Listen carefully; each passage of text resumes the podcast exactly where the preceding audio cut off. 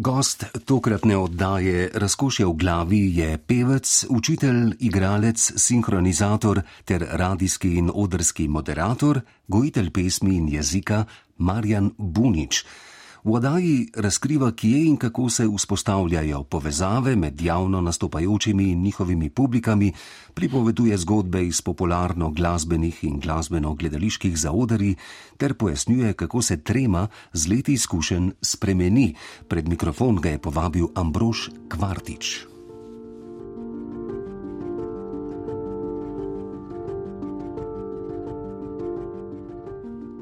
Skozi razno razne takšne in drugačne odrske preizkušnje sem ugotovil, kaj mi povzroča največ treme. In to je besedilo.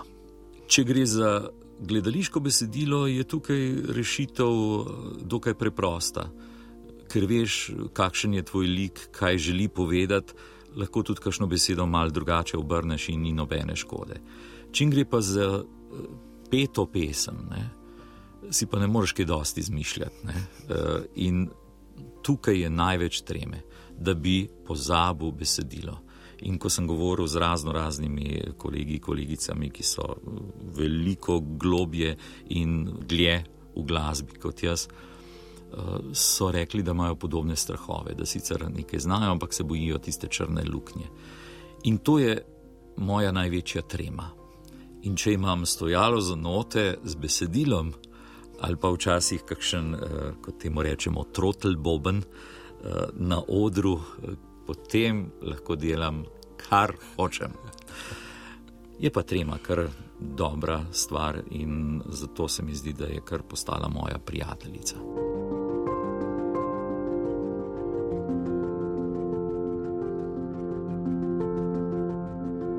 Zdaj bil je res en poseben čas, je bilo jaz mislim, da precej lažje odraščati kot zdaj. No. Imeli smo en program televizije, imeli smo v glavnem en program radijski, ali pa še kdaj smo mal vijugali, ki je druge. Ampak na teh programih se je marsikaj dogajalo, kar nas je oblikovali. Jaz moram reči, da sem ob eh, nedeljah eh, zjutraj ob osmih redno visel pri uh, radiju in poslušal pravljice, radijske igre pravzaprav s temi neverjetnimi igravci in glasovi, da enostavno vidiš uh, bitje, ki ga ustvarja, ki zraste pred tabo, z vsemi karakternimi lastnostmi, ki jih spravi v glas. Uh, in te stvari so me zelo, uh, zelo privlačile. No? Hkrati pa glasba, od klasike pa do ostalih zvrsti. Uh, moram um, reči, da se mi je, recimo, zdaj, ko razmišljam o tem, se mi kar čudno zdi, ker to se mi zdaj ne dogaja več, ampak včasih sem, ne vem, slišal orkester v glavi, kadar sem si izmišljal melodijo, uh, tako kot otrok. In sem potem malo improviziral, pač igral sem se s tem pač raziskoval te zvoke, kaj se dogaja tudi uh, v posebnih, ne vem, v kopalnici drugače, v neki drugače. Res zvok očitno me je, me je zelo očaral in to tako, da uh, sem se uh, skozen lahko umaknil. Spomnim se, da sem v srednji šoli delal prakso v proizvodnji za tekočim trakom, ilirija, sveče, In eh, stroj, ki je te sveče eh, mi z tekočega traku metal eh, v naročje, tako rekoč, je imel en prav poseben ritem, so pihal je, glasen je bil in tako naprej. In jaz, ko sem pač začel delati, sem rekel, da ja, tega ne bom zdržal, to, to je ne mogoče, 10 minut, 15 minut pa bom imel polno glavo. Ampak potem se je nekaj zgodilo. Ne? Vsi ti zvoki so se zlili v eno uh, krasno musko, ob kateri sem lahko tudi, po mojem, več kot uro, dve uri improviziral. Neke melodije v glavi, včasih še celo malce bolj na glas, ker je bilo vse tisto ropotanje zelo glasno. In to tako, da so me včasih, sem videl eh, tiste starejše sodelovke, prav po ramenu potapkale, češ eh, gremo na malco, ustavi stroj in tako naprej. Ne? Eh, da so me zbudile iz vsega tega. Zgodila se je ena glasba iz nekih zvokov, v kateri sem prav užival, se potopil v njo in vrtel se je film. Ne vem, ali je to normalno ali ni. to se mi zdaj ne dogaja več, Ampak takrat je bilo pa zabavno, zelo zabavno.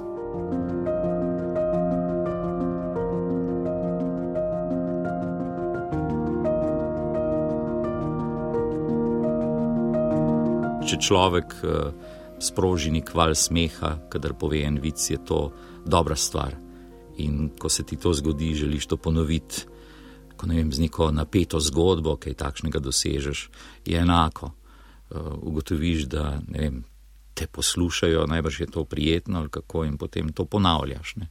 Zdaj se mi zdi sicer smešno, ampak spomnim se neke situacije, recimo, mislim, da v tretjem razredu ali četrtem razredu osnovne šole. Eh, ko sem bil predsednik oddelčne skupnosti. Pač, ne, neke sestanke smo potem morali voditi, potem smo mi morali poročati eh, na šolskih sestankih teh predsednikov vseh oddelčnih skupnosti in tako naprej.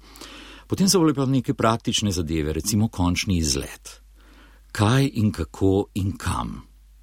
In seveda, če vržeš to vprašanje med uh, desetletnike, enajstletnike, ne, je to sto tisoč odgovorov in želja in tako naprej. In uh, jaz, ker sem vodil, takrat je bilo še vse tako zelo ne, po regalcih, ko sem vodil ta sestanek, na katerem smo se nekako odločali, kaj bi s tem končnim izletom, vem, da sem se predtem pripravljal, kaj bom povedal, kaj želim povedati, uh, na kakšen način bom to povedal. Uh, in da sem si naredil koncept. To se mi je prvič zgodilo, ne, da sem delal nek koncept in tega se prav spomnim. Mislim, da je bilo to v enem tretjem ali četrtem razredu osnovne šole. In na koncu sem dosegel tisto, kar sem hotel. In zanimivo mi je bilo uh, gledati in opazovati skupine, ki so se počasi uh, iz tiste razpršenosti začele gnesti okoli tiste moje ideje in so jo na koncu potrdile ne bom zdaj rekel, da je šlo za manipulacijo ali karkoli, ampak mislim, da je bilo takrat prvič, da sem se eh, tako eh, čist eh, zavestno vprašal, kakšno strukturo naj ima moj nastop, kaj hočem z njim doseči in kako bom pri to vrstni publiki to dosegel. Tako da sem počasi postal pripovedovalec, in potem kasneje, recimo v srednji šoli, se pa mečkano bolj resno srečal s teatrom. Kot zabava, ampak vendarle nastopanje tudi na, na odrih, ne samo eh, pred eh, domačo ali pa družinsko publiko, ko je bilo treba dobiti kakšen priboljšek.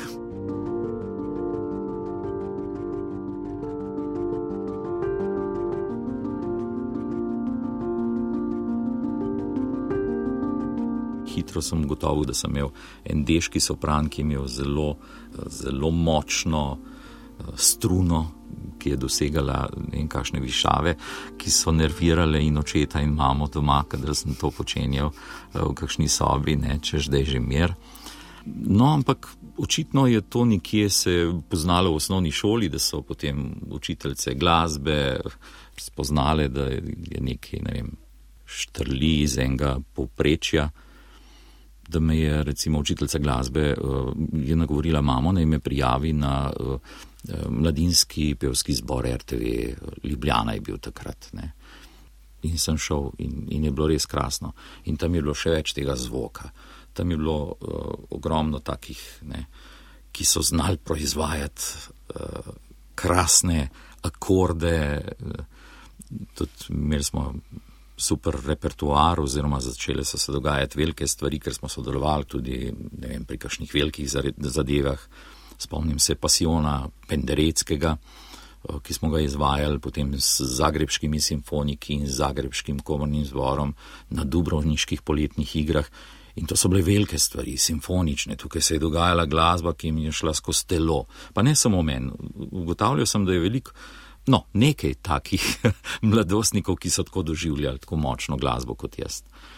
In očitno se je potem to mečken stopnjevalo um, do tega, da so se potem zgodili slučaj, jaz bolj temu rečem, da je še kdo prepoznal, mogoče ali to zmožnost, ne vem, prepevanja ali pa ustvarjanja, in da, da se je potem začela dogajati ena takšna zgodba, v kateri sem se dobro počutil in jo delal kot hobi vse življenje. ne s pogledom, da gre za nek poseben talent, ker je ogromno res talentiranih ne, na tem svetu, sploh zdaj, ko smo tako globalni, ne, človek hiter uh, utihne in je ostane ponižen, ko vidi, kaj vse res ljudje znajo in kakšne vse talente imajo. Ampak definitivno je bilo pa nekaj posebnega in lepega, kar, kar se je potem uh, začelo dogajati z nekimi razno raznimi zgodbami. In uživanje v enem zvoku, v eni glasbi, uh, ki me je pa in me še vedno spravlja v različna razpoloženja in deluje name, uh, moram reči, zelo ali terapevtsko, ali pa tako, da, da me sprovocira.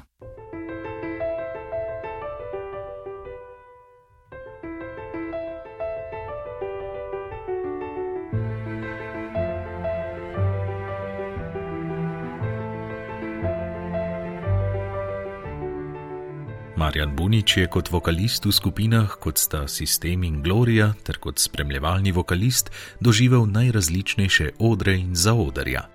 Kar naprej me je seveda um, vznemirjal pop zvok, tudi ob vsem tem. In ne vem, kdo mi je pravzaprav uh, svetoval, naj pokličem Nado Žgur, ki je ravno takrat pač prišla iz uh, Amerike, Berkeley College, in je začela v Sloveniji neko šolo drugačnega petja, ki ga takrat ni šolal nihče.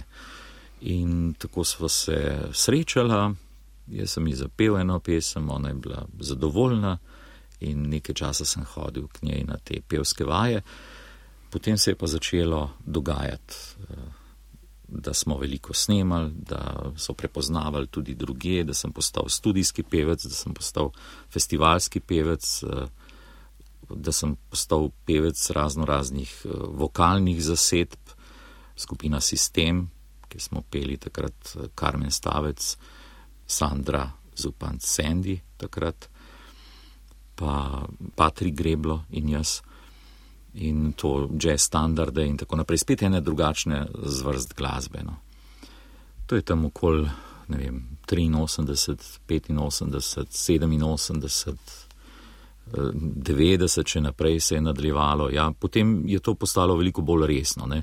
Ne vem, mislim, da sem bil enih 8 let ta uradni eh, back vokalist, kot se reče, slovenske popevke, eh, kar je bilo krasno delo, moram reči, zelo veliki ziv, seveda.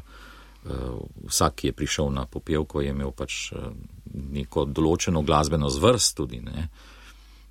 In mi smo potem pač odpeli tisto, kar je bilo odpet, ob tem uživali. In potem so se vrteli še drugi festivali, kot ne vem, EMA, parkrat pa Eurosong. Vse takšne izkušnje, ki moram reči, da so name naredile uh, kar precej velik vtis, zato ker sem jih spet doživljal kot neko hkrati zabavo, pa neko raziskovanje ne, vsega tistega, kar se dogaja. Eurosong v Oslu na Norveškem 96. leta. Še zdaj se spomnim tistega občutka, ko se mi zdi, da, da, da mi je prav vsaka dlaka na telesu stala po konci. En tak prav poseben občutek, ko si na enem takšnem velikem odru, z orkestrom, še takrat je bil eh, Jože Privšek z nami. In to so vse ene takšne uh, prijetne zgodbe, ki niso samo zgodbe, ampak dejansko tudi uh, neki, neke izkušnje, no, ki se nalagajo človeku.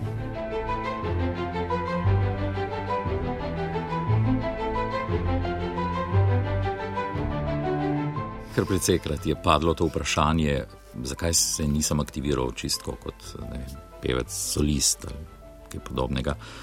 Ampak res, pa res iskreno, mi je bilo veliko lepše pa ne rečem lažje, ker uh, tisti, ki poznajo to zadevo, vejo, da uh, spremljevalni vokal, da mora opraviti uh, hudo delo.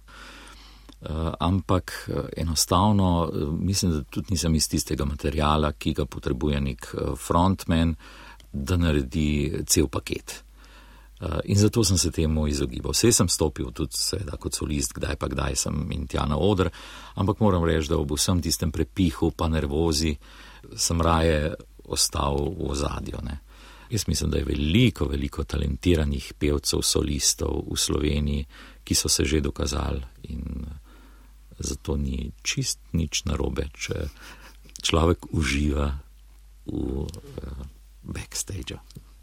Če gledam samo glasbo, mi je bilo tolkrat všeč, da nisem obremenjen z nekim profesionalnim udejstvovanjem kot kolegi, kolegice, ki so od tega mogoče še celo živeli in tako naprej in so se morali ukvarjati z mnogimi, mnogimi stvarmi, ki so težke, ki so zahtevne, ki so izčrpavajoče in tako naprej. Tako da dosti krat si rečem, meni je lahko govoriti, nos sem otaknil noter, doživel eh, marsikaj eh, na tem področju in uh, bil hkrati toliko v zadju, da me ni doletelo vse tisto, kar pač doleti vse tiste, uh, ki so v spredju, ker vidim, kakšno garanje je to. Ne. In uh, vidim, da se to tudi spreminja, ne, glede na uh, razvoj tehnike, glede na globalnost in podobne stvari. S pojavom vsega tega se je pa se mi zdi začela veliko večja borba eh, med tistimi, ki imajo talent, ki imajo znanje, ki so dobri, in tistimi, ki pač padejo v to področje, zato ker so mogoče drugačni, imajo mogoče druge uh, stvari, ki pritegnejo. In uh, tukaj se je potem dosti krat kresalo. Vem, da kar nekaj kolegov, kolegic uh, je razmišljalo, kaj se je zdaj zgodilo zakaj recimo jaz nisem več uh, in, zakaj nisem več v tem krogu, zakaj se mi ne dogaja več toliko, kot se mi je včasih dogajalo. Kako lahko, ne vem, uh, gre toliko publike k nekomu, ki po starih kriterijih ne bi veljal za nekega, ne vem, izjemnega glasbenika, ampak za zelo povprečnega, ampak ima veliko večjo množico in tako naprej. Se pravi, prišli so drugi kriteriji, In tukaj mislim, da je pa zdaj postalo pa veliko težje za tiste, ki so recimo bili pevci. Ne. Imel si krasen inštrument, znal si ga uporabljati, ampak to je zdaj premalo. Moraš se odločiti, ali boš nagovarjal množico, potem je treba biti tudi to, kar nisi, ali pa boš eh, mogoče zvest sebi, šel z glavo skozi zid in to si lahko privoščiš, če si popovdanski showman. Ne? Kot recimo, sem, sem bil jaz ob redni zaposlitvi in tako naprej, rednem drugem delu. Zato pravim, da mi je lahko bilo iti skozi vse to in da mi je bilo včasih res hudo gledati um, zelo talentirane, odlične uh, kolegice in kolege, ki se jim je kar začelo dogajati, da je karijera ugašala.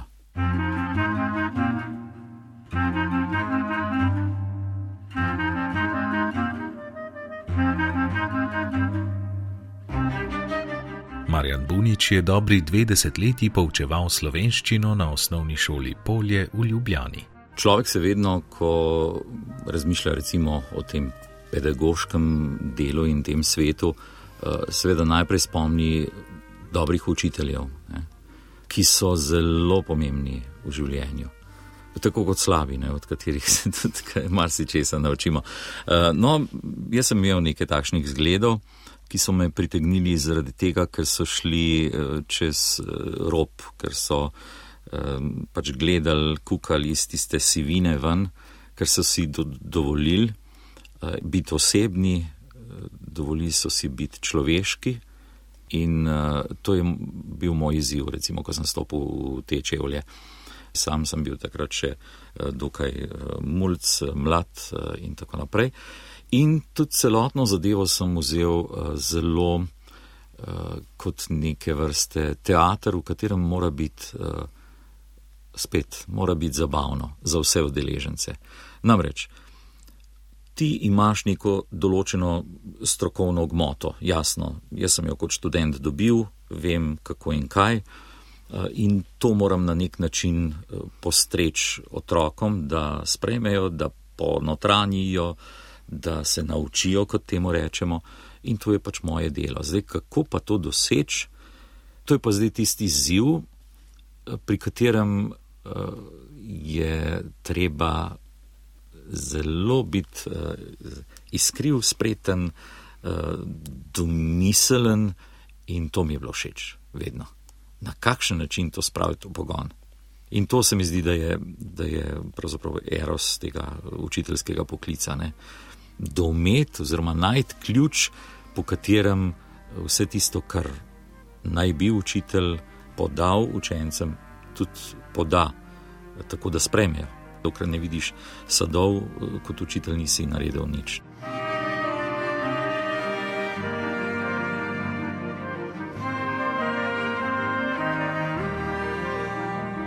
Jaz mislim, da je najbolj lahko merjeno to, kar daješ od sebe pri otrocih. Torej, odziv je iskren. Če jim je nekaj všeč, če se jih dotakne, če začutijo, da je pristno, potem je to to, če pa začutijo, da ne, potem pa to ni to in pika. Eno je tisto strokovno delo, ko pravzaprav imaš neko goro materijala in skušaš nekako to posredovati na ta način, da otroci zagrabijo. In eh, ko začutiš, ne, ko se tista iskrca zgodi, a zdaj so pa recimo dojel, ker imaš tukaj celo paleto enih ne samo značajev, ampak tudi eh, vem, predznan, eh, odnosov do dela, do stvari, jezikovnih predznan in tako naprej.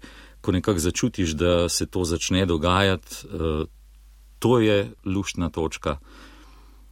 Drugo je pa tisto čisto osebno, ne, kjer pa tudi lahko če greš v to smer, marsikaj narediš uh, za otroka kot človeka, ker imaš več življenjskih izkušenj in lahko um, z tega vidika potem marsikakšno stvar uh, spraviš v red na en drugačen način.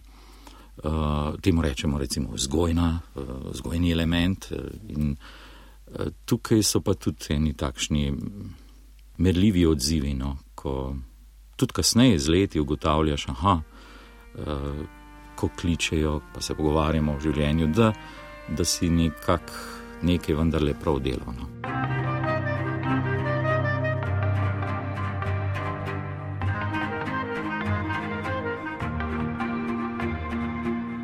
Že ko sem začel, sem rekel, deset let, recimo, potem pa nova zgodba, ker sem pač tak človek, da uh, želi v življenju čim več stvari delati in dejansko sem jih.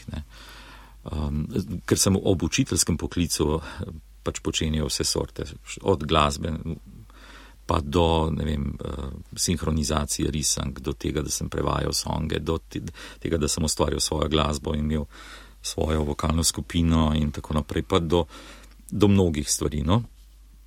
potem pa se je to kar razvleklo na 23 let, oziroma sem se potem uh, nekako poslavljal ene tri leta, ker sem rekel, res um, si sebe ne predstavljam kot 60-letnega učitelja, sploh ne v osnovni šoli. Uh, in to ne bi bilo fair, ne do mene, ne do otrok. Uh, tako da sem se kar tri leta nekako odtrgoval od tega, Uh, ampak zdaj, ko gledam nazaj, mislim, da sem naredil prav in mi ni žal. Uh, so določene stvari, ki jih pogrešam, ravno ta takojšen stik, odziv, uh, ampak jaz mislim, da je tako prav.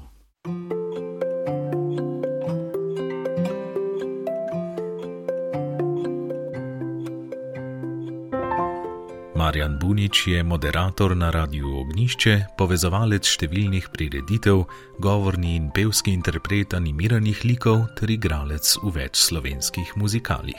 Jezik je fascinantna zadeva, res me navdušuje, navdihuje in še marsikaj že od začetka. In eh, hkrati vedno bolj pač doumevam to, da je res živ da je tako večplasten in ravno s temi zvrstnostmi se strašno rad poigravam. In uh, zato, če sem v različnih govornih situacijah, ne spreminjam uh, toliko uh, torej, uh, jezika, kot prilegajam vsebino. Ker se mi zdi, to sem pa recimo iz tega svojega pedagoškega dela ne spoznal, da ja, dobro je, če si blizu recimo svoji publiki. Včasih so tudi v kakšnih debatah, ne, ko smo imeli, so kakšni radijski sodelavci, kakšne privatne radijske postaje rekli, veš kako mi smo zelo radi blizu ljudem, pa zato uporabljamo uh, tak uh, živ jezik in tako naprej. In spravim, ni res. Uh, uporabljaš ga predvsem zaradi tega, ker ne poznaš lepote in širine vsega tistega, kar nam jezik, slovenski jezik nudi. Uh, in vedno se mi zdi, da je dobro, da tisti, ki ima škarjem platno v rokah, eh, skrbi, da je vsaj dve stopnji više od eh, tistega, ki ga naslavlja. Da vendarle tisti, ki ga naslavlja, ima možnost rast, pa da ni toliko previsok, da ga ne razume.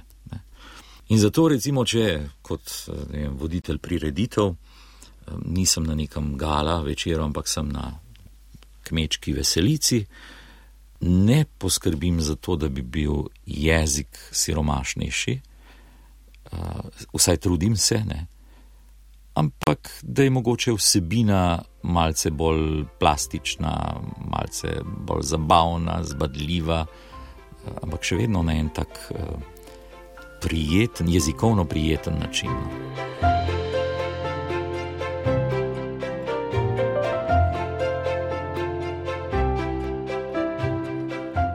Jaz mislim, da bi moral vsak, ki javno nagovarja ljudi, vendarle se posvetiti tudi temu delu sredstva, s katerim operira. Ni samo vsebina tisto, ampak tudi način in jezik, seveda, je zelo pomemben. Ne. Vse to vsi vedo. Ne. Raziskuj to, eh, bodi na tem.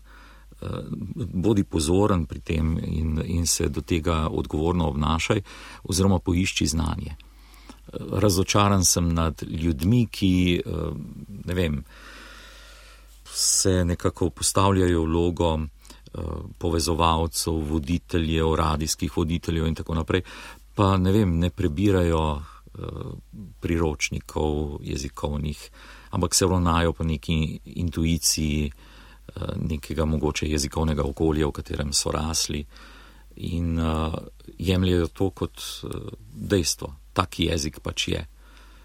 Ni, je še več, je še lepši, je še uh, bolj večplasten, samo zahteva mečkano truda, ne, da vstopimo van, da prebiramo, včasih listamo enostavno, tudi po pravopisu.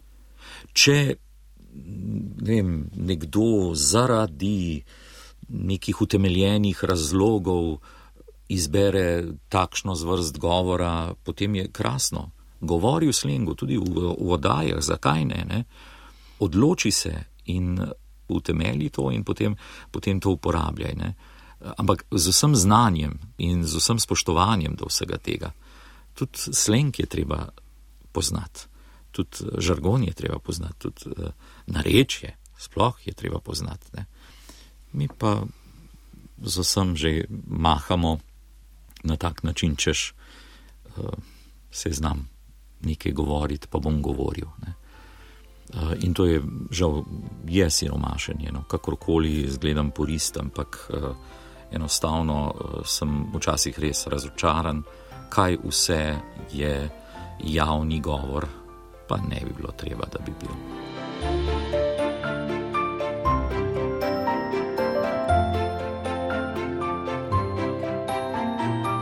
Ena od mojih zabavnih strasti je prevajanje songov, ker je tam prav poseben izziv. Imáš omejeno število vrstic, omejeno število zlogov, še celo nek ritem je v pesmi, ki ga moraš z govorico ujeti in tako naprej.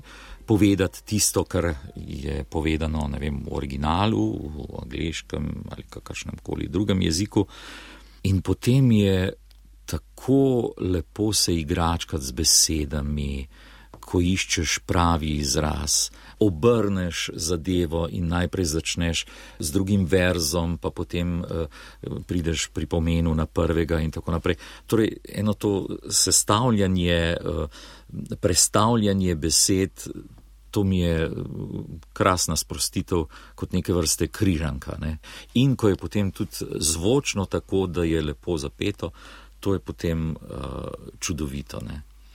In če to lahko dosežem v neki pesmici, nekem songu, zakaj ne bi tega počenjal tudi z besedilom, z neko kratko napovedjo, ki jo imam na neki prireditvi? Zakaj bi bil suhoparen, zakaj ne bi bil poetičen, zakaj ne bi bil duhovit, uh, igriv, zakaj ne bi tudi tukaj predstavljal besed in tako naprej? Kaj se zgodi? Potem nenadoma uh, povem neko stvar na en tak način, ki je prijeten, ki je svež in to je lepota. Pri kakšnih takšnih, uh, recimo, prireditvah, ki ti dopuščajo to možnost, da, da si sam kreativen, je pa zelo lepo se usest in napisati uh, v tisto kratko napoved, ki jo imaš, res prave besede na pravo mesto, da potem publika reče, pridemo ne samo zaradi glasbe, ampak tudi zaradi tega povezovanja, zaradi veznega teksta. To je pa potem tisto, kar je plačilo.